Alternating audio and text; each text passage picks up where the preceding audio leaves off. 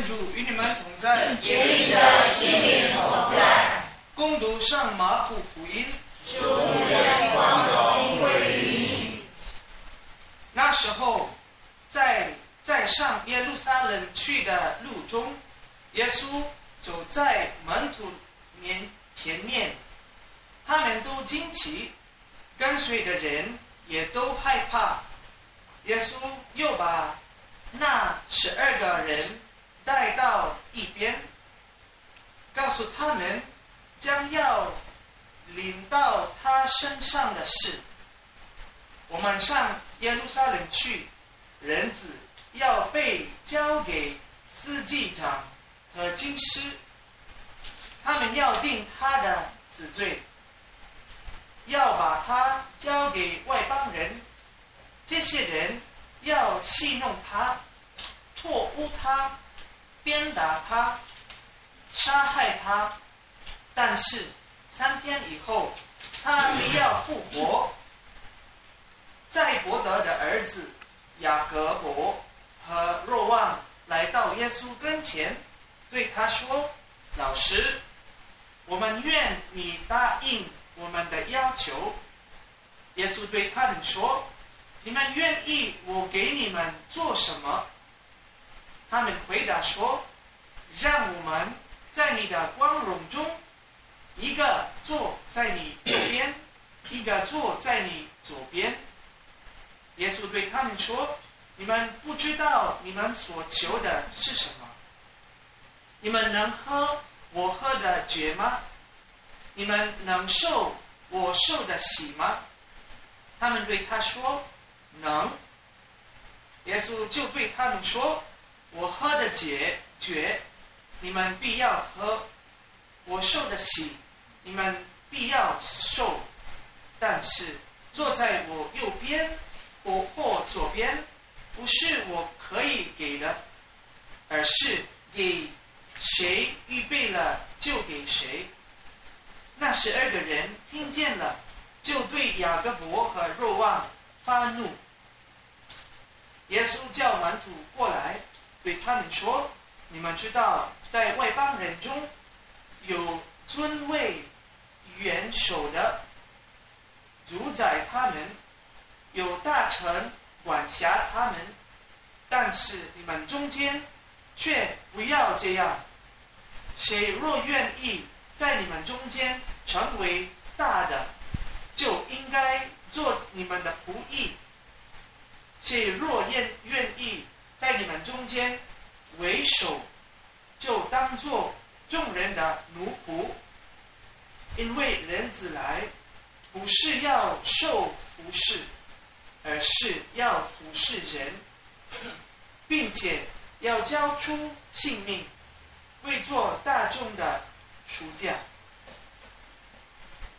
基督的福音，基督我们赞美。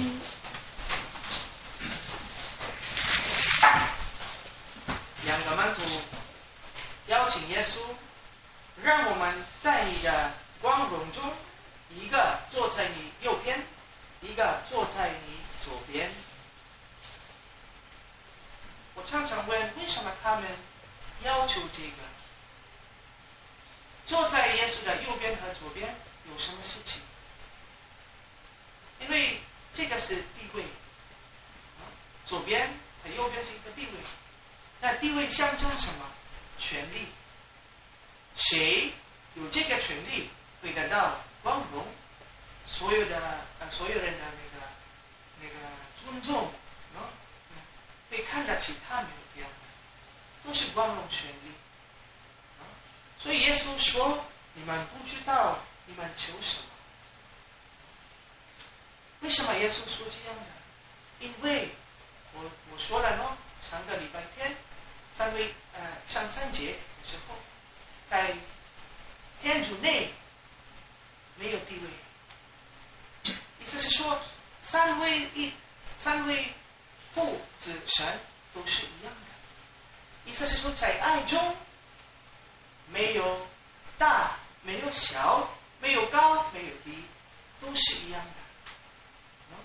然后，但是可能有一个教友会问我，会问我们：哎，神父，不是啊，天父是比较高。你看，他也他也自己说，你看他让圣子坐他他他的右边，所以他比较高，因为他是中间。那我想问，如果生父天父在中间，他的右边是圣子，谁是在他的左边？上神吗？